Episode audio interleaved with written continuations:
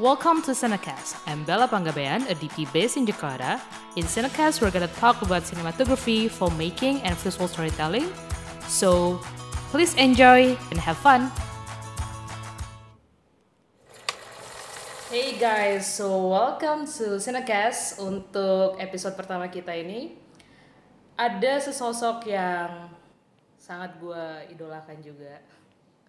Kita udah berteman cukup lama juga dan banyak banget karya-karyanya dia yang yang pasti banyak yang udah lihat dan cukup impress lah dengan karya sebagai seorang sinematografer. So welcome Batara Gompar. Halo. Uh, boleh sedikit dijelaskan sebenarnya apa sih sekarang kalau misalnya ditanya nih ya ada suatu sesi gitu. Who is Batara Gumpar gitu? Batara Gumpar adalah seorang ayah. Baik. Dia juga berprofesi sebagai seorang sinematografer uh, yang kurang lebih uh, bekerja di bidang uh, departemen kamera Hmm. di in, film industri di Indonesia lah. Baik. Seperti itu. Kalau misalnya ditanya apa sih sebenarnya sinematografer itu itu kan sering banget ya pertanyaan yang paling basic. Tapi kalau menurut lo, by the way dipanggil Marcel oke kan? Biasanya Boleh boleh boleh nggak kan? apa-apa. Memang Marcel tuh buat yang udah sangat kenal banget biasanya. Oh, iya, baik. Cuma kalau belum kenal banget biasanya manggilnya Batara. Oh Batara, baik. boleh boleh. ya, menurut lo gimana sih Sel? Apa definisi sinematografer buat lo? Definisi sinematografer uh, buat gue uh, itu sebuah profesi. Menurut gue sinematografer itu adalah sebuah profesi uh, di mana or uh, di sinematografer itu adalah orang yang bertanggung jawab penuh terhadap uh, visual uh, atau arahan bagaimana uh, film itu akan menuju kurang lebih seperti itu. Dia adalah orang yang sangat uh, bertanggung jawab terhadap technical kamerasnya uh, pemilihan lensa lighting dan pokoknya visual lah banyak Baik. hal Oke. Nah kalau misalnya boleh di, diceritain sendiri. Jadi pertama kali ini biar kita sedikit flashback ya. Pertama kali gue ketemu Marcel itu waktu pas zaman masih masih second AC lah istilahnya. Waktu itu bahkan masih jadi camera technician ya. Eh, udah support Marcel dari zaman eh, dia juga masih ngasih senin kamera waktu itu jadi askam. Dalam perjalanannya pasti lo juga ngelihat ada suatu transisi dari proses berpikir, proses kerja saat menjadi seorang sinematografer. Hmm. Nah, buat perjalanan karir lo sendiri, apa sih yang menurut lo yang menjadikan turning point? Oke, ini adalah visi atau ini adalah definisi seorang sinematografer. Saat lo ngerasain apa atau di project apa waktu itu? wow iya gue harus meditasi dulu nih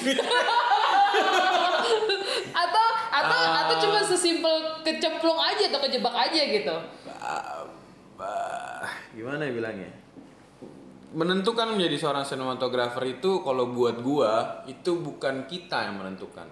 Buat eh, gua sebagai person menentukan gua nih eh, sinematografer atau dalam lagi kita bekerja kita sering bisa dibilang sebagai DP gitu.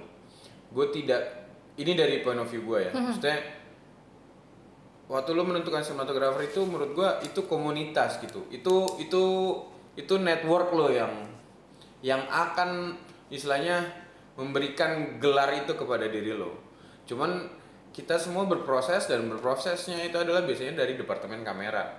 Nah eh, proses itu nggak ada yang pernah tahu berapa lama. Bisa aja cuman dalam sebulan tiba-tiba lo udah dipercaya sama orang-orang ini untuk eh, lo apa memegang project mereka.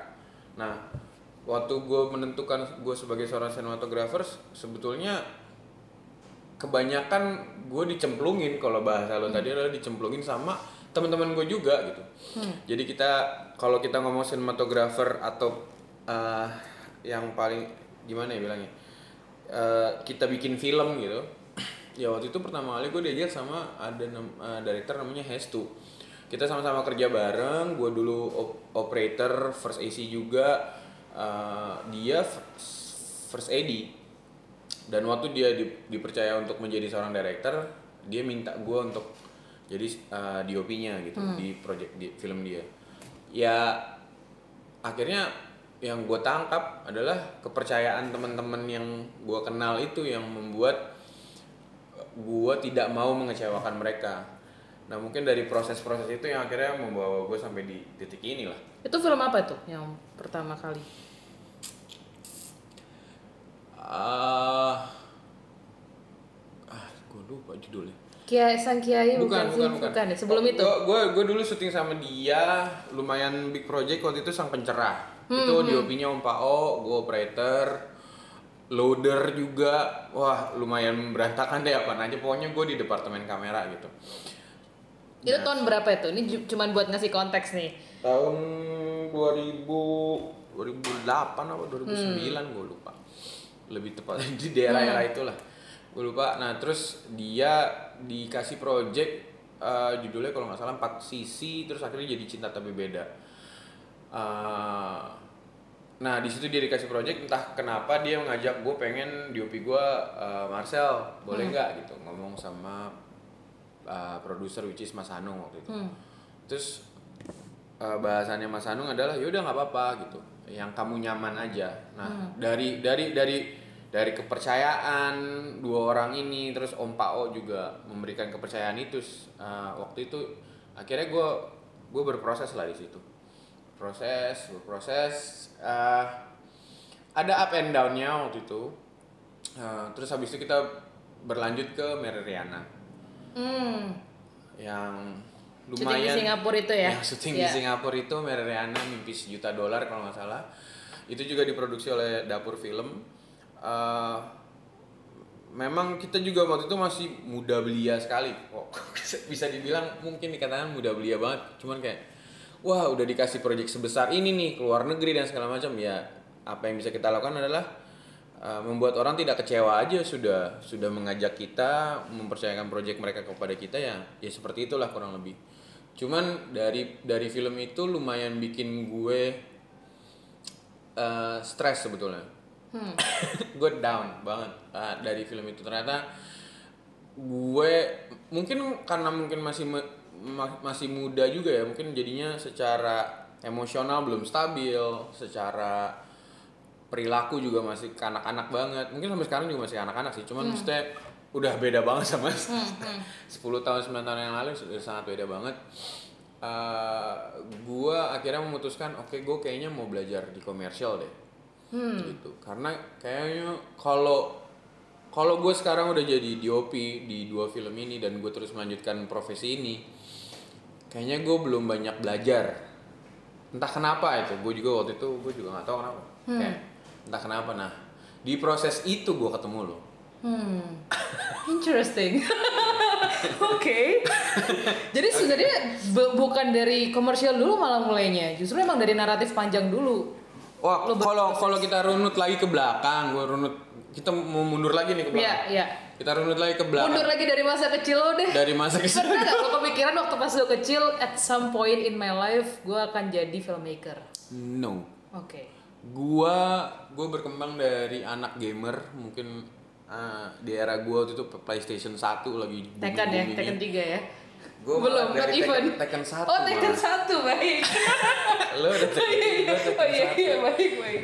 Iya dari dari situ gua dulu main Final Fantasy 7 waktu itu. Final Hmm. Fantasy 7 lah bahasa orang kita bilang. Kita gua tiba-tiba terus uh, gua main RPG, istilahnya dulu bahasa RPG role playing games. Gua Hmm. main di situ. Entah kenapa itu itu uh, proses gua mungkin mengerti tentang narat narasi kali ya. Hmm. Sebuah penceritaan, sebuah plot-plot tertentu yang akhirnya gue tertarik terhadap apa ya? Sesuatu yang di diceritakan Real. lah Hmm, di- diceritakan kepada kita gitu kayak bedtime story lah sebetulnya menurut gue gue nggak main, main role playing game tuh kayak gitu nah waktu itu dari situ gue berkembang gue juga waktu gue SMA ya tetap main game tapi gamenya juga udah mulai dihilang udah mulai nggak main karena waktu itu gue PS2 nggak mampu beli.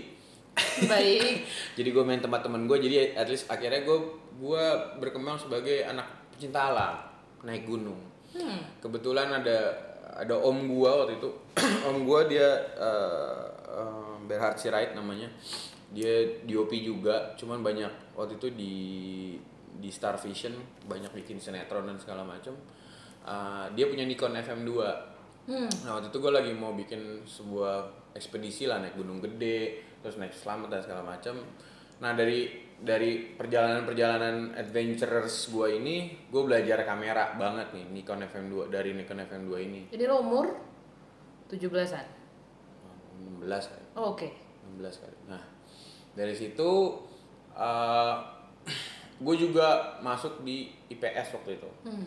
uh, ya sistem pendidikan kita ada IPS IPA gitu. Gue sangat tertarik banget sama antropologi.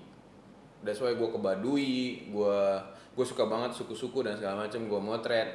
Terus gue masih punya nih pengalaman game gue waktu itu. Hmm. terus waktu di, ditanya lah biasa lah kita SMA mau jadi apa gitu. Gue waktu itu pengen mau masuk sebuah sekolah uh, sekolah game kalau nggak salah. Gue tahu itu di Jepang ada sekolah buat dulu jadi director games. Gue bilang sama orang tua gue ya ya intinya financial lah ya. Kayak gila kali lah. Dan, keluarga Batak juga. Iya, mau jadi apa kamu cowok main game apa? gitu. Terus kayak udah lagi nih nah so ya intinya seperti itu. Terus akhirnya uh, eh, gue banyak banget juga non dari dari dari, dari pengalaman gue SMA tuh gue nggak banyak nonton TV gue malah banyak nonton TPI dulu. Hmm. TPI itu banyak nayangin acara-acara National Geographic kalau nggak salah dulu. Hmm. Gue nontonin itu ngeliat selalu ter fascinated banget gue sama alam dan segala macam nah itu yang bikin gue akhirnya waktu gue memutuskan oke okay deh gue mau ngambil sekolah film gitu. Sekolah film uh, di KJ waktu itu gue ngambilnya dokumenter basically. Basically dokumenter. Nah jadi uh, kenapa nih? Gue ngambil dokumenter karena gue suka bercerita gue suka uh, antropologi terus gue ngeliat Indonesia banyak banget suku banyak banget yang bisa diceritain. Belum lagi flora dan fauna di Indonesia banyak sekali gitu. Hmm. jadi kayaknya wah menarik nih di sini gitu kan. Ya udah gue coba. Eh pas lagi kuliah gue bertemu lah dengan namanya Pak Khalid Arifin. Dia tuh dosen dosen dosen nama nama mata kuliahnya adalah sejarah film dunia gue emis banget sih sama mata pelajaran itu waktu itu. Hmm. terus uh, hmm, dia bilang dan lumayan masih keinget sama gue bahasanya dia adalah kalau kalian nggak mau belajar tentang penemuan kamera dan bagaimana cara kerja kamera dan bagi uh, apa ya bilangnya? Kalian tuh nggak akan sampai di bilangnya apa ya kampus ini juga nggak bakal ada hmm. film nggak akan pernah ada hmm. bahasa ini dia itu yang itu gue nyangkut banget di kepala gue tuh bang waktu itu hmm, hmm. kayak wah berarti bagaimana kita bisa tahu ini proses segala macam yang lo harus ketahui adalah kameranya dulu dong hmm. bener gak sih hmm. daripada bercerita mau bagaimana dan apanya gitu hmm. kayak lo harus tahu dulu bagaimana si kamera ini bereaksi terhadap realitas yang pengen lo tangkap sebetulnya. Yeah itu yang gue tangkap tuh waktu itu. Jadi kayaknya setelah itu tuh gue langsung bilang sama temen-temen gue gue kayak pengen belajar banget tentang kamera. Gue pengen dalemin lagi deh nih hmm. gitu. padahal di awal sempat kepikiran pengen masuk ke directing. Di dokumenter kalau di kampus gue emang itu whole as a whole. Lu belajar directing lu belajar sound lu belajar editing dan segala macam. Cuman hmm. emang ya paling pentingnya adalah kan bikin skrip kan. Iya betul. Which is ya sebetulnya di di, di area itu dulu hmm, hmm, hmm. yang dikembangin. Cuman gue bilang ya nggak tahu juga ya. Gue mungkin orangnya sangat realis banget gitu. Jadi ngapain kita berhayal-hayal bikin cerita apa tapi mau ngerekamnya seperti apa modelnya kita nggak pernah tahu gitu. Hmm, interesting. Nah itu yang membuat akhirnya wah oh, gue pengen banget belajarin kamera deh gitu. Dari dari situlah akhirnya gue mulai tuh ngambil sinematografi kurang lebih seperti itu. Dan nah waktu pas sorry gue potong. Waktu pas pertama lo udah mulai kenal kamera terus hmm. habis itu lo menjalanin proses di kampus pasti juga banyak uh, role yang lo ambil kurang lebih berkaitan dengan kamera. Nah pada saat itu apakah lo udah udah punya visi juga? Oke okay, at some point uh, ujungnya adalah gue harus jadi DP hmm. Waktu di kampus gue nggak pernah berpikir gue jadi DOP sih. Hmm. Gue berpikir gue mau jadi operator. Gue mau jadi kamera operator uh, karena buat gue DOP tuh kayaknya nilainya luhur banget gitu. Iya. kayak butuh proses panjang banget gitu. Kayak nggak gue nggak pernah langsung gue besok gue lulus DOP nggak gue nggak nggak nggak pernah berpikir kayak gitu.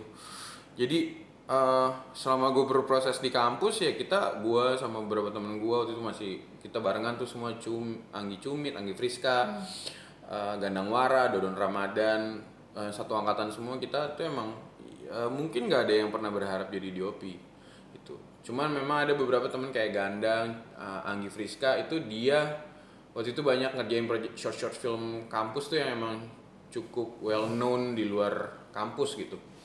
Emang bagus-bagus banget. Ya gua sama anak-anak ada di dalamnya sih teman-teman cuman emang gua nggak pernah berharap mau jadi sinematografer sih. Mainnya jadi operator. Nah baru ditangkap keinginan gue dari waktu gua kerja sama Om Pao Fauzan Rizal. Fauzan Rizal. Itu bisa, bisa dibilang guru gua yang cukup cukup yang bisa ngambil gua dari entah dari mana by phone. Hey sel gua ada ada project lo mau jadi op- jadi operator gua nggak? Ya kadang-kadang bantuin gua jadi asisten lah. Apa aja om? Gua bilang ayo gua mau bantuin. Oke kenapa dia ngoling gua? Karena dia ngelihat hasil TA gua gitu ujian akhir gua. Gue juga nggak tahu juga sih alasannya apa. Cuman dari situ gue berteman baik sama dia sampai sekarang. Ya, kurang lebih seperti itu. Dan ya akhirnya ya ya sampai sekarang lah Bel. Gue juga nggak tahu sih. Gue ngikutin aja. Gue ngikutin arus sih Bel. Baik. Sebetulnya. nggak. Nah, kalau misalnya sejauh perjalanan ini berarti Marcel tuh udah 15 tahun ya, udah ada lah ya? Dari dari pertama kali berproses. Kurang lebih 15 tahun eh, di industri ini. eh apa sih yang menurut lo benar-benar menjadi kesukacitaan aja, kesenangan gitu? dari menjalankan proses sampai akhirnya sekarang mulai banyak memegang project-project yang yang obviously udah bisa sesuai dengan passion gitu atau bahkan tadi yang kayak cerita lu suka banget bertutur tentang manusia, lu suka banget bertutur tentang budaya gitu. Dan ada kesempatan pastinya di profesi yang sekarang lu lakuin untuk melakukan itu. Hmm. Nah, apa yang menurut tuh yang paling luhur tadilah?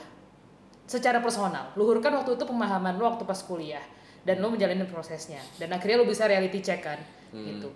Nah, apa itu kira-kira atau pengalaman apa yang membuat lu kayak this is why I live this life gitu.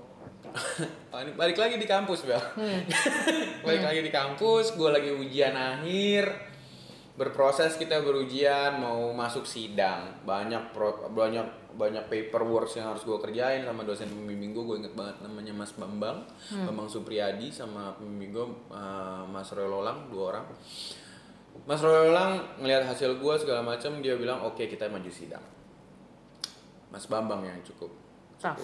cukup cukup cukup nggak tough sih cuma kayak gue akan ngomong sebelum dia tanda tangan gue mau maju sidang dia cuma bilang ini aku tanda tangan ya biar kamu maju sidang. Tapi aku mau nanya sama kamu satu hal. Kamu siap menjalani hidup sebagai seorang sinematografer 30 tahun sampai 40 tahun ke depan? Diem gak lo Dia Baik. lumayan lama gue diam tuh dengerin itu ah, masuknya apa ya mas? Cuman kayak pada saat itu di situ yang nguatin gue sih gitu. Itu yang nguatin gue uh, siap mas gue bilang gitu. Terus pas ya baru 10 tahun kemudian lah setelah dia tanda tangan dan gue sidang dan gue lulus uh, ya kemarin gue masuk nominasi gitu akhirnya. Uh, di posesif terus gue WhatsApp dia mas ini 10 tahun mas gue udah bisa masuk di nominasi FFV terus dia cuma bilang wah selamat kamu masih ada beberapa puluh tahun lagi ya gitu. Gue kayak wow sih. Ya lo harus kenal sih orang mas Bambang dia ada di di kampus sih cuman ya ya gitulah ya itu sih yang bikin lumayan makanya kenapa suka citanya gue bener-bener kayak ya berarti waktu lu menerima sebuah jalan profesi ini buat gue ya lu tempuh sebaik mungkin dia akan memberikan yang terbaik buat lu kok pasti. itu sih yang gue tangkap Hmm, iya menarik banget karena mungkin banyak di luar sana teman-teman tuh yang punya pemahaman kerennya aja, Iya kan? It's always all about the flash and glamour things gitu. Kayaknya jadi DP terus eh, foto sama kamera gitu. Padahal sebenarnya banyak banget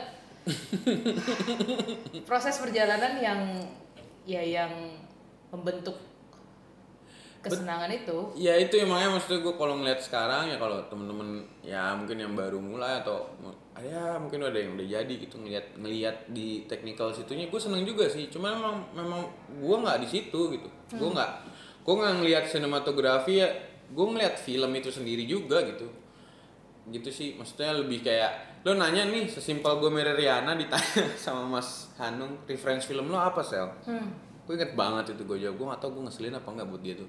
Gue bilang reference film saya Home Alone mas. Hmm. mungkin para sinematografer di sana nggak akan pernah milih Home Alone sebagai reference dia. Tapi lu semua pasti nonton sih. Ya ya. Gue juga nggak tau kenapa. Natalan kemarin gue masih nonton by the way iya. Dia bilang maksudnya apa Home Alone? Ya kita tak lekang akan waktu ya. Iya. Gue tau lu, eh, ya lu nonton itu kan gitu. Ya gue cuma bilang sama sana, waktu itu cuma bilang kayak Ya siang ya siang, malam ya malam. Lo lihat itu ceritanya instead of everything gitu. Hmm. Kalau gue gitu. Emang gue ngeliat, ngeliat film di situ banget sih Pertama. First thing first banget sih ya di situ Lo nikmatin dulu gitu. Dan lu, Hmm. Nah itu sih Ya kurang lebih kayak gitu Nah, akhirnya sekarang kalau misalnya, ini sekarang gue udah mulai mau masuk ke proses kreatif nih. Nah oke oke oke Siap, siap, siap, siap.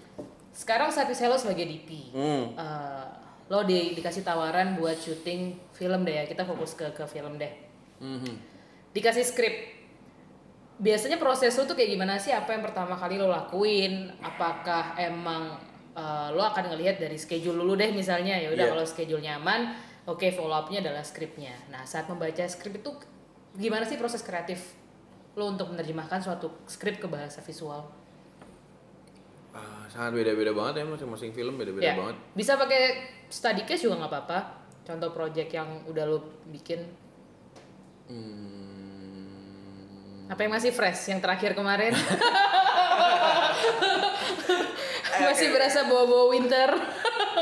Ah, gue sedikit bercerita lah. Maksudnya apa tuh gue ngerjain posesif, reference apa nih yang gue tangkap. Malah sebetulnya bagaimana cara Edwin sama uh, Al Zaidi waktu itu produsernya mengajak gue berdiskusi mengenai hubungan apa yang lo tangkap waktu eh, apa yang lo dapat waktu lo berhubungan pacaran waktu zaman SMA itu kita cerita itu dulu. Jadi kalau lo tanya posesif referensinya apa sel ya cerita gue pacaran zaman dulu. Hmm. gue inget gitu dulu. Makanya gue inget banget waktu gue posesif terus iya semua DOP pasti stres lah. Syuting di dalam interior mobil mobil jalan terus ngobrol dalam mobil dan segala macam pasti stres. Banyak refleksi matahari harus dikontrol dan segala macam. Tapi gue nggak nolak. Kenapa? Karena emang kayaknya zaman SMA kalau lu pada bawa mobil lu pacaran dalam mobil sih. Berantem semua di dalam mobil bener gak sih? Maksudnya kayaknya kayaknya mobil itu sebagai kendaraan iya gak sih? Berhubungan gitu. Jadi Ada simbolisme tertentu juga ah, ya. gitu. Ya, jadi ya. gue gue gue gue cukup cukup realis banget di situ ngelihat ngelihat ngelihat itu gitu. Jadi emang kalau lo tanya posisi referensi apa ya gue mencoba mengingat eh, bagaimana dulu gue berpacaran bukan berarti gue abusive ya sama pacar gue karena filmnya tentang itu ya. Bukan cuman kayak eh, Pacaran gaya remaja itu kayak gimana Ah, sih? Gitu. dan membuat itu jadi ya intinya kalau gue sih membuat film harus believable gitu. Jangan tiba-tiba bikin film yang nggak believable buat orang kalau gue. Nah di situ sih itu poin yang selalu gue uh, ada kalau lu nanya core gue basic di situ sih believable. Nah kalau berproses eh waktu bikin sebelum iblis menjemput sama Timo eh sebetulnya nggak banyak kita gue cuma nonton waktu itu nonton film Suspiria Hmm. gue nonton film Sus- Suspiria gue nonton film lupa deh. Rosemary Baby kalau nggak salah segala macam cuman cuman dikit doang gue nonton. Terus habis itu gue banyak berproses sama dia. Malah riff bagaimana gue dapat berproses kreatif menjadi mendapatkan gambar itu itu gue main game. Hmm. gue lagi main The Witcher. Diajakin ini gue lagi main The Witcher di PS4 akhirnya gue bisa beli. Baik. akhirnya gue lagi main terus gue ngeliat anjing ini dungeonnya keren banget. Gitu-gitu kayak ngerti ya lo kayak wah dungeonnya kok keren ya? Kok uh, color moonlight ini kok enak ya? Kok greenish? Kok menarik juga ya gitu. Terus ada Hmm. uh, gimana ya? Istilahnya gue ngelihat itu terus tense-nya oh dapet ya gitu. Hmm. Uh, sebetulnya sebelum iblis cukup cukup banyak tuh reference gue d- dari The Witcher. Tapi kalau kita udah nonton sebelum iblis uh, lu nonton? Udah, udah. ada yang satu momen ruangan merah semua itu sebenarnya lagi itu juga random banget sih Bel. Gue lagi nongkrong di di Kemang ada berita bulan itu tuh bulan lagi merah katanya. Iya kan? Terus gue entah kenapa gue keluar dan bulan lagi merah. Terus gue lagi pegang skrip waktu itu. Maksudnya lagi baca skrip gue nggak bisa bilang gue lagi pegang skrip ngeliatin bulan sih. Cuma kayaknya gue kayaknya Timingnya pas iya gitu. aja. terus gue ngeliatin bulan merah itu terus gue mikir hmm di skrip waktu itu tertulisnya gini eh, ruangan ruang tamu eh, al- eh, di rumah itu mati total. Cahaya bulan memasuki eh, cahaya bulan memasuki ruang dan menerangi ru- ruang akhirnya. Terus eh, dan itu lumayan tensinya tinggi banget lagi kayak mau klimaks gitu.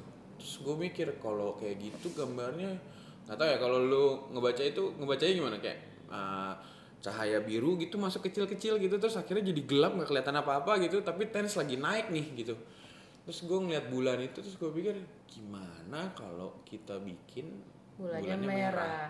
Hmm. terus ruangan ini jadi full merah karena lagi energi setannya lagi rame banget di sini Hmm. dan lu dapat itu feelsnya terus tensinya jadi naik secara film kamera worksnya jadi geraknya lebih itu nah itu yang gue tawarin sama Timo terus saya bilang hmm kata dia ya udah oke kalau lo oke sih gue oke kayaknya menarik cuman gue nggak suka terlalu monokrom ya gini ya ada ada lah point of view-nya Timo waktu itu terlalu monokromatik itu dia kurang suka cuman kayak gue bilang enggak pas di sini doang nih di di di sequence ini doang sisanya itu kita masuk ke bawah ke basement menurut gua nggak nggak perlu lagi Iya, nggak iya. masalah gitu cuman kayak di sini doang karena habis itu kan kita cut ada pindah lagi Iya. pindah pindah plot terus gue bilang di sini doang nih kayaknya menarik nih bang gue bilang sama Timo ya kalau lo oke gue sih nggak masalah gitu Hmm. lu bisa eh, ininya gitu ya, gue sih nggak masalah kayaknya yuk kita coba gitu Hmm. karena gue cukup begitu banget sih se- sebuah film kayak apa yang lagi lo lihat sama si- situasi situasional eh, apa eh, setempat lo eh, lo gimana lagi ngeliatnya ya kayak gitulah kurang lebih Seberapa intens uh, obrolan lu dengan director saat lu memulai project? Iya banyak sih. Sebetulnya gue sama director gue pasti banyak ngobrolin film. Kayak gue akan selalu nanya lu sukanya apa. Kalau misalnya lu eh, suka art gitu apa yang lu suka. Gue juga pengen. Gue juga nggak pintar-pintar banget, nggak terlalu banyak. Ya manusia berbeda-beda ya, Ya. pendalamannya beda-beda. A- komunikasi antara director sama sinematografer sih emang harus selalu terjalin. Apalagi untuk project yang mau dijalankan kalau mereka berdua nggak ngobrol sih gue agak bingung sih. Iya. Nah terus i- iya gue akan selalu bertanya sama sama sama director gue apa nih visi misi lo. Hmm. Ah, bagaimana lo bereaksi terhadap ini dan apa karakter penceritaan lo gue mencoba jadi sponge di situ tuh. Hmm. kalau gue gue nggak mau jadi batu yang gue bilang gambar nih harus gini gitu. Ya, ya, ya. gue jadi sponge gue akan coba ngikutin dulu nih. Point of view lu mana terus coba gue bikin kayak tata-tataan kayak barikade-barikade dikit akhirnya jadilah tuh pagar. Ya, Ya, kebentuk lah tuh ruangnya. Ya, ya. Nah itu yang eh, makanya gue banyak banget kalau nge gue berproses bikin film tuh kadang-kadang gue banyak nanya sama director gue kayak wow gue hujanin banyak pertanyaan yang mungkin sampai lu akhirnya geli sendiri. Ini apa sih lu nanya sampai segini segini banget sih terus kadang-kadang gue ceritain tentang pengalaman hidup gue yang mungkin nggak perlu gue nggak mau denger ya sel. Cuman gue kadang-kadang cerita aja gitu karena biar gue pengen tahu respon respon lo apa. Kok gue ngeliat gue ngeliat skrip ini ngebacanya gini ya? Apa yang lo baca gitu? Apa yang lo lihat dari sini gitu? Jadi gue gue butuh director yang bisa dialognya enak sih kalau gue Karena aku rasa juga eh, banyak mungkin orang yang masih berpikir DP atau sinematografer itu cuman pelaksana. cuman cuman oke pokoknya gue mau di shoot kayak gini padahal sebenarnya harus ada suatu interaksi kan di situ harus ada suatu diskusi Hmm. jadi apa pun eh, kesepakatan bersama itulah yang akhirnya muncul di gambar akhir Betul. Nah, itu mungkin yang yang mungkin juga banyak teman-teman yang baru mau, mau mulai gitu atau baru baru belajar gitu. Mungkin agak sedikit miss di situ. Hingganya berpikir oh ya udah as a DP gue tahu teknis yang bener kayak gini, ya kayak ginilah harus terjadi. As a director juga sama. Gue mau skripnya kayak gini ya kayak gini juga yang terjadi gitu. Jarang untuk membuka diri. Ya kayak tadi lo bilang kan. Bahkan bahkan kalau misalnya yang gue tangkap sendiri ya, hubungan personal dengan director antara director dan DP itu bahkan sangat sangat berpengaruh. Sampai lo banget bisa sih gue gue gue nggak tahu ya maksudnya gue selama maksudnya gue gue kerja sama Mas Garin sama Mas Estu sama Bang Timo sama terakhir gue kerja sama Lucky Mas Wandi.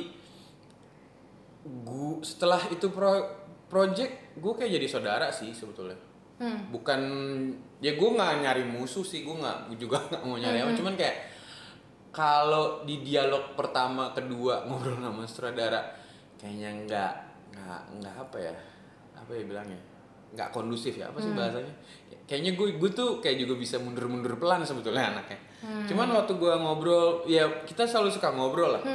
Ya pada saat ngobrol sama sutradara terus dia punya point of view ih kayaknya menarik nih. Gue pengen serap dia deh. Apa sih? Kenapa sih dia bisa jadi semenarik ini? Dan akhirnya dari situ kita jadi temen jadi saling ya gue kan seneng banget sih. Gitu. Nggak ya sampai sekarang gue sama Timo sama segala macam sama Edwin. Iya, sorry iya. gue lupa pas posesif Edwin gue berteman sama dia. Benar-benar yang kita ngobrol oh apa kabar bang? Apa kabar bung? Gitu gitu kita selalu berproses ngobrol kalau ketemu gitu muka pasti pengen ngobrol gitu. Hmm. Jadi kayak ya lu nyari temen juga nyari ya nyari saudara sih men gitu. Kalau gue. Oke. Tadi kreatif waktu pas pas prep ya. Masuk sedikit ke masalah produksi. Hmm, hmm, eh banyak yang mungkin juga belum aware kalau misalnya dalam konteks produksi DP itu head of department dari beberapa eh, tim tim teknis ya. Ada kamera grip elektrik gitu. Hingganya kayak satu departemen seorang sinematografer itu bisa menjadi pemimpin untuk say 10 sampai 20 orang bahkan dalam satu tim. Nah eh ada nggak sih yang lo hadapi dari sisi non teknisnya gitu? Non teknis as in kayak gimana pendekatan lo saat ini sebagai seorang head of department sebagai seorang pemimpin tim untuk ngejalanin produksi in day to day basis saat udah syuting terhadap tim apa terhadap terhadap tim jadi ini ini untuk ke ke tim Camdep Uh, basically sih kalau gue memang cukup apa ya cukup deket ya sama anak-anak sama anak-anak gue gitu yang yang ya teman-teman gue gue nggak bisa bilang anak teman-teman gue ini. Uh, walaupun mereka come and go dan segala macam maksudnya kadang kita mau kerja sama sama si ini si B si C.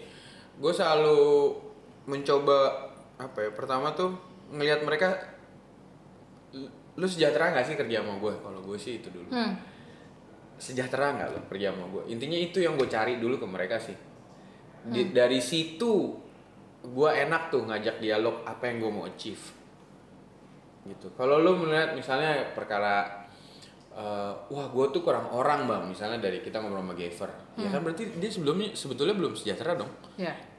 Waktu dia mengerjakan oh, gue kurang orang bang segala macam. Oh ya udah coba kita cari kita tambahin orang kita coba ngobrol lagi sama produksi mungkin kita bisa nambah orang. Kenapa nih kita nggak jadi gue cukup banyak ya ngomongin sama anak-anak ya seperti itu sih berprosesnya terus kayak gue sama Aan gitu gue udah berapa kali project sama dia dia operator gue operator gue dia kayak ah, an gue pengen gambarnya begini gini, gini. Lu secara secara uh, achievement lu berat nggak nih secara kamera worksnya? Lu harus handheld nih tiga menit gitu gitu Bisa Uh, nggak? bisa nggak segala macam? Terus nah gue selalu cobain apa ya, impulsif sama sama shot-shot yang gue mau bikin juga sih kadang-kadang. Cuman gue akan selalu dialog.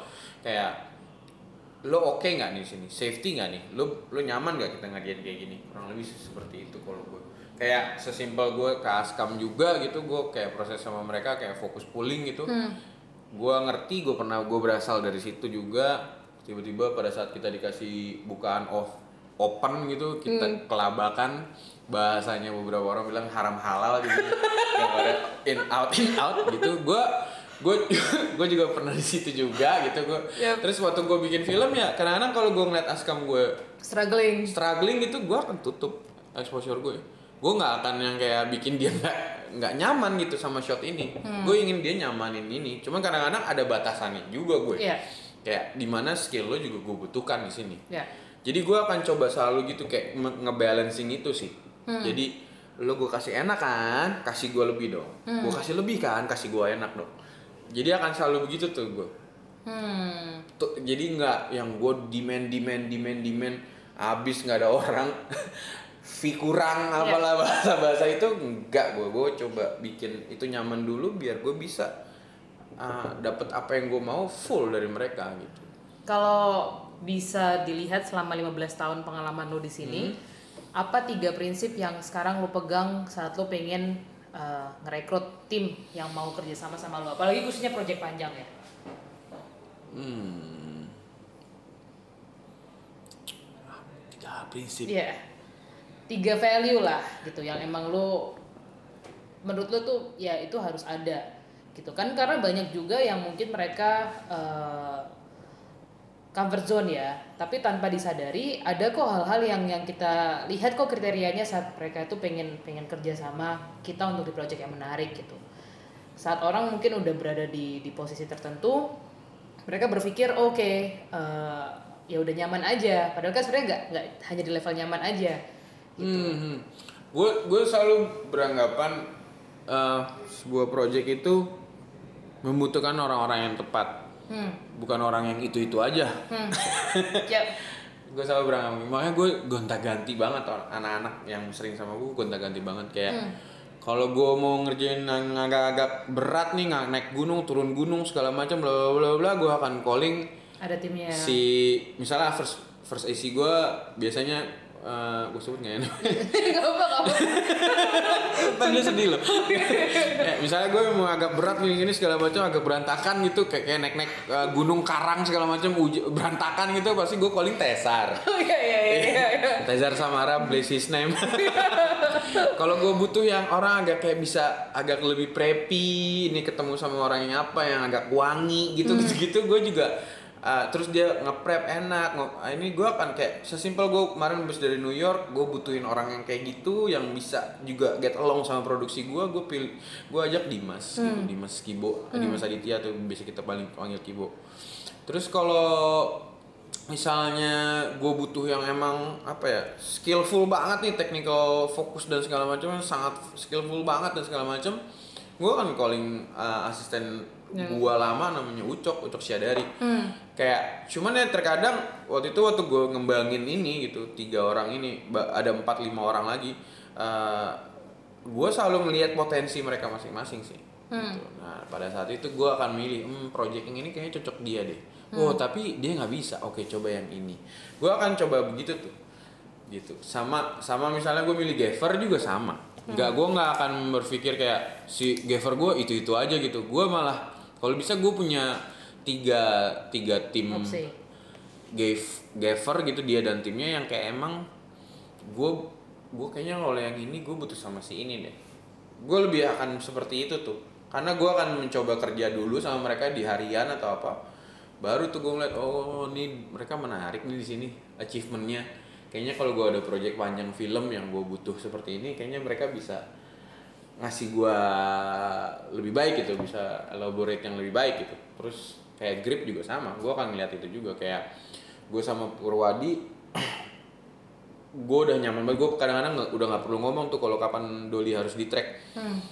dia udah tahu aja gitu kayak waktu gue cuman kayak nunjuk tangan doang. Gue dia bisa ngeliat nih dari tangan gue segini sama segitu tuh dia langsung tahu tuh.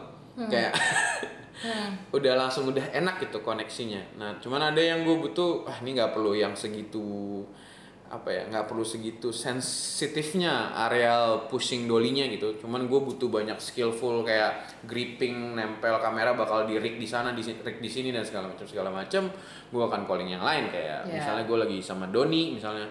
Atau uh, sama Aris gitu. Hmm. kayak gitu-gitu. Jadi emang beda-beda banget sih cara cara milihnya gitu. Ini mungkin juga yang enggak secara tidak langsung ya, as a DP kita itu di uh, bentuk untuk nurture talents juga. betul Untuk untuk bagaimana kita bisa melihat talent orang dan mengembangkan mereka, juga juga mikirin self growth gitu. Ini hal-hal yang yang ya aku juga melihat menarik ya dalam perjalanannya. Iya, technical obviously is one thing ya. Tapi saat kita udah ngomongin proses kita kerja di produksi dan lain-lain, wah itu problem yang paling besar adalah berurusan dengan manusia ya. Kayaknya kalau kita berurusan sama sama banyak yang bingung kak gimana kak eh, cara pakai kamera ini kayaknya ribet banget itu. Itu belum ada apa-apanya dibandingkan kita berurusan sama tim. Ya. betul Tim Karena management. tim management itu sangat ya jadi DOP menurut gue memang lo harus jadi tim leader Iya. yang baik gitu yang ngerti karena gue pernah dulu juga ya cerita dikit ya Hmm. ada satu DOP yang gue ikutin skillfulnya jago Wah jago banget ya pokoknya Hmm. bahasanya kita mema ini banget lah dia prodigi lah ya Hmm. bahasanya gitu cuman waktu dia kita ngomongin leadership buat Hmm. gue bisa gue bilang nol Hmm. gitu ngamuk mulu bayar orang nggak bener Hmm. nggak mikirin jam kerja kita Hmm. lo dihajar aja terus pokoknya kerja terus sampai mampus gitu Hmm. gue bilang lu pinter sih bang Hmm. cuman ini lo nih yang gue nggak nyaman dan gue nggak mau jadikan ini sebagai Benchmark. benchmark gue Hmm. gitu sih kepintaran lo gue ambil terima kasih gue coba belajar sama yang lain akhirnya gitu Hmm. Baik.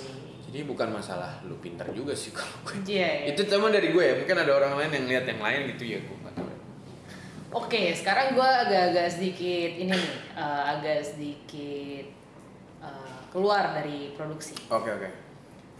Kalau lu weekend ngapain sih Sel? wah gue banyak banget.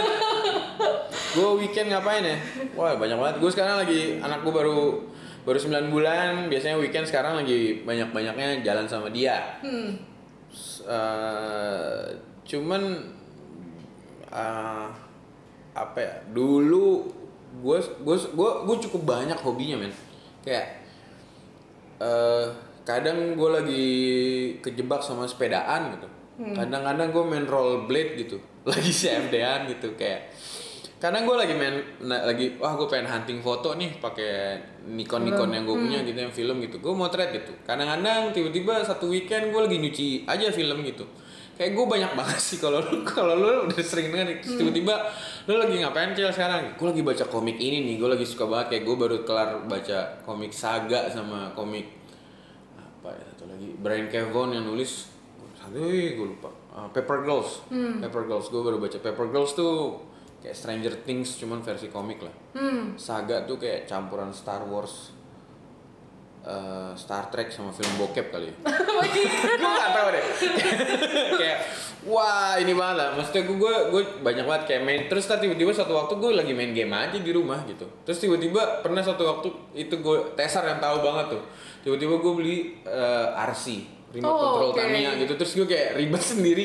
Gue beli ini loh ini nggak bisa jalan. Ini gimana ya caranya? Terus akhirnya gue ribet-ribet ke STC nyari remote nya beli baterainya segala macam banyak banget sih gue minggu gue kayaknya nggak pernah stop sih tuh kayak Nonton gitu. juga masih dong ya Netflix dan lain-lain. nonton Netflix itu udah kayak bukan ini sih itu kayak tadi pagi aja gue habis kelar nonton kayak Baik. nonton apa ya tadi pagi gue nonton apa Sex Education kalau nggak salah yang yang yang season 2 gue baru Season selesai Oh, seru ya selesai.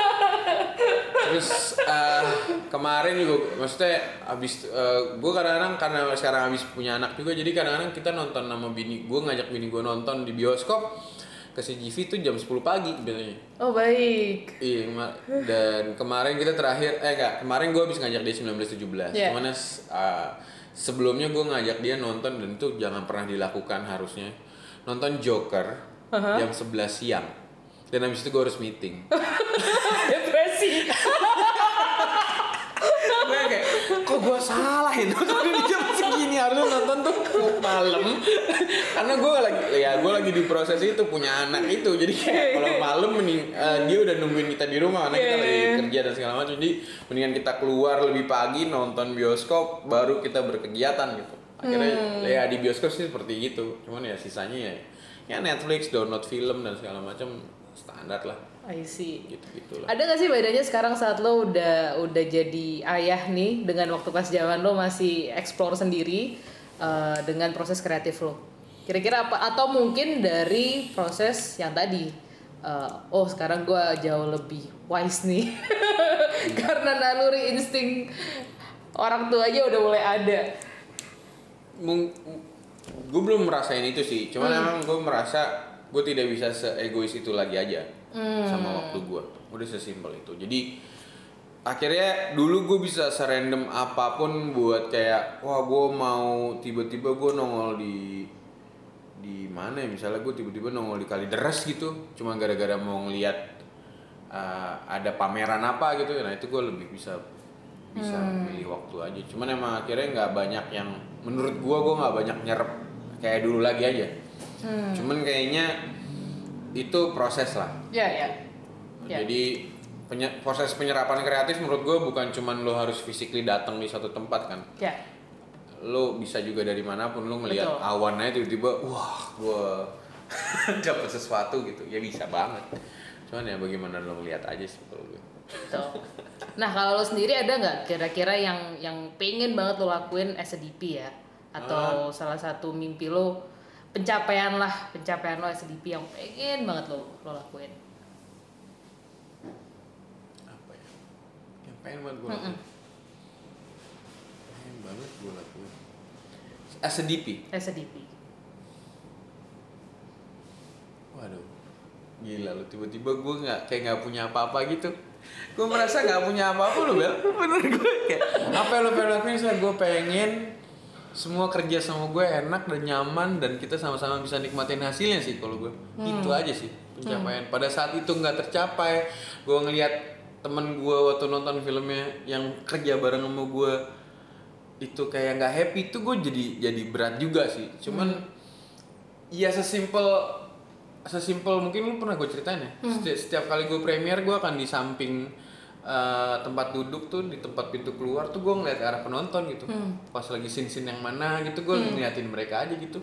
Hmm. kayak ya itu sih menurut gue sih pencapaian. Jadi kayak kalau ngomongin technicals apa sih yang lo pengen bikin itu banyak sih Bel. Cuman kan kayak wah gambar gue pengen bikin gambar kayak begini begitu dan segala macam. Cuman kadang di luar itu semua gitu kalau Buat apa sih gitu? Iya, gue pengen pasti penonton bisa ngerasain apa yang gue bikin gitu bener enak gak lo ngeliat ini Hmm. enak nggak gitu kalau gue sih di situ banget kayak technicals tuh banyak men Hmm. kayak kita nonton 1917 yang kemarin kita barusan kita whatsappan lo lihat kayak gitu kan ah gila men nyampe lo nih orang Hmm. iya secara finansial pun nyampe mereka Ya. gitu.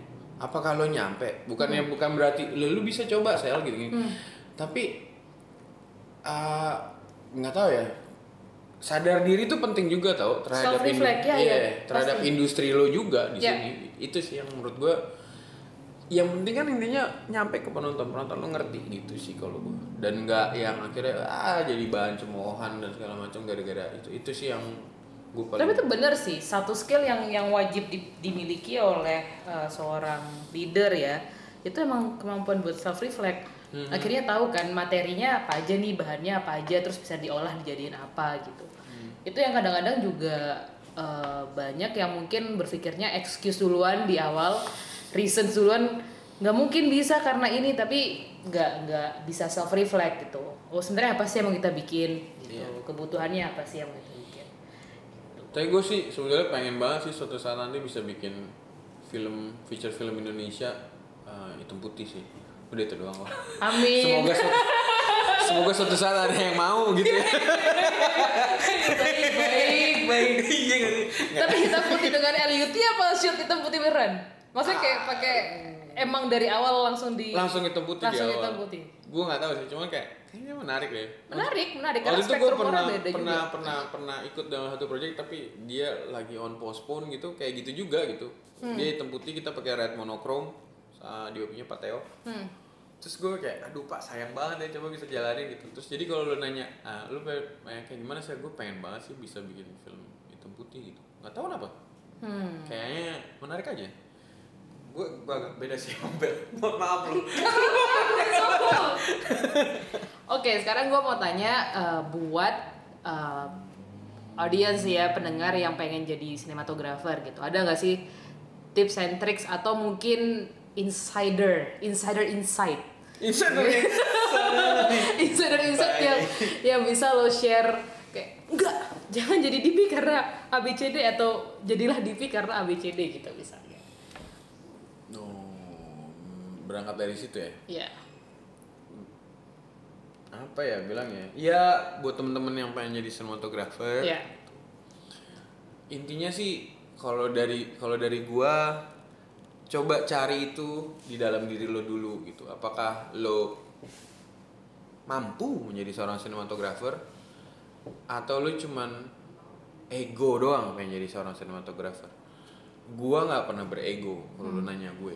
Jadi mungkin obrolan kita dari tadi kayaknya ini orang ini banget ya. Cuman emang gue nggak pernah berego gitu. Gue gue bukan orang yang bisa beli kamera mahal dan segala macam dulunya. Gue nggak ngerti. Gue mungkin komputernya baru tahu dua tahun yang lalu gue punya yang MacBook yang bagus dan segala macam gitu. Jadi gue nggak ngerti juga lo ngomongin gambar yang bagus sama segala macam gitu kayak wah main gadget gadget gitu.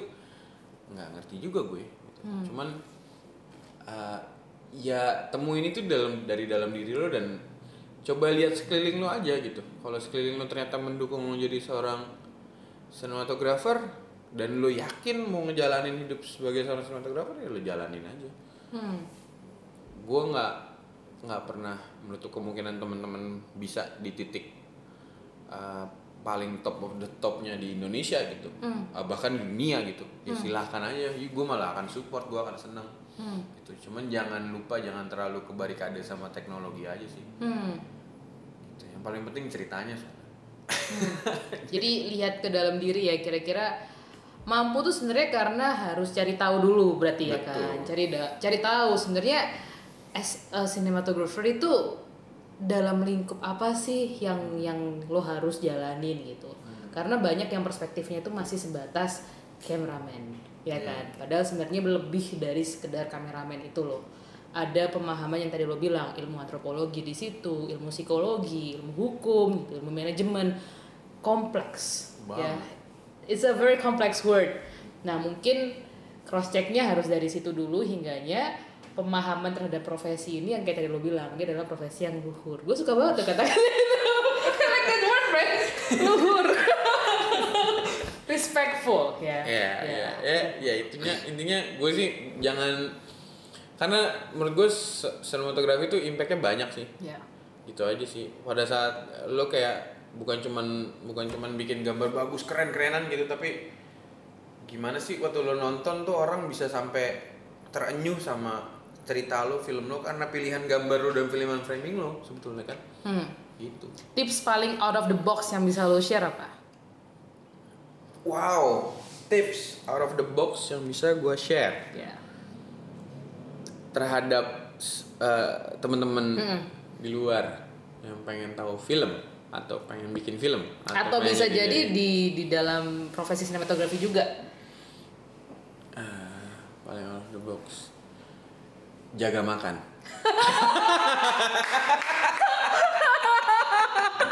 Iya gak? Iya iya. Jaga makan, terus kalau bisa duduk duduk.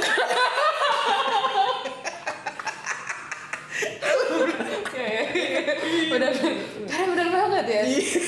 Satu setiap kita syuting udah pasti kita harus standby ya kan? Betul. Jadi makanan apa pun yang dibawa ke set tuh pasti kayak Kayaknya ini banget menarik banget buat iya dikunyah padahal ya semuanya penuh dosa. Iya iya. Ya kurang iya. lebih sih seperti itu kalau gue cool cool ada lagi yang mau ditambahin sel kurang lebih Gak ada sih kalau gue mungkin Nanti kalau lu lu tanya lagi mungkin kita ngobrol lagi. Iya boleh boleh boleh. Cool cool.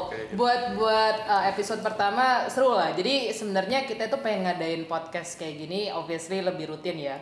Kalau bisa dua kali sebulan, I think that's gonna be fun gitu. Dengan beberapa sinematografer juga, teman-teman dari CS. Uh, memang memang dari profesionals yang mau share ke teman-teman di di luar sana. Thanks for thanks for the podcast ya. Terima kasih buat sharing-sharing ya Marcel. ya it's been fun ya. Semoga uh, yang ngedengerin juga akhirnya bisa dapat insight lebih untuk menjadi DP itu masih banyak kok proses perjalanannya gitu. Dan ini gak kerasa sebenarnya satu jam aja masih banyak banget cerita yang belum terkuak nih. ini masih benar-benar di permukaan sebenarnya dan masih banyak banget topik yang yang yang bisa dibuat lebih menarik lagi gitu. So, please give us input ya kalau misalnya ada yang mau diobrolin atau ada yang mau ditanyain sama teman-teman DP yang ada. So anyway, once, once more time terima kasih Marcel. Semoga sukses buat persiapan filmnya. Siap, siap. Terima Masih konfidensial kasih. Terima kasih. dan jaga makan. Thanks for listening to this episode. Please like, subscribe, and have a good day.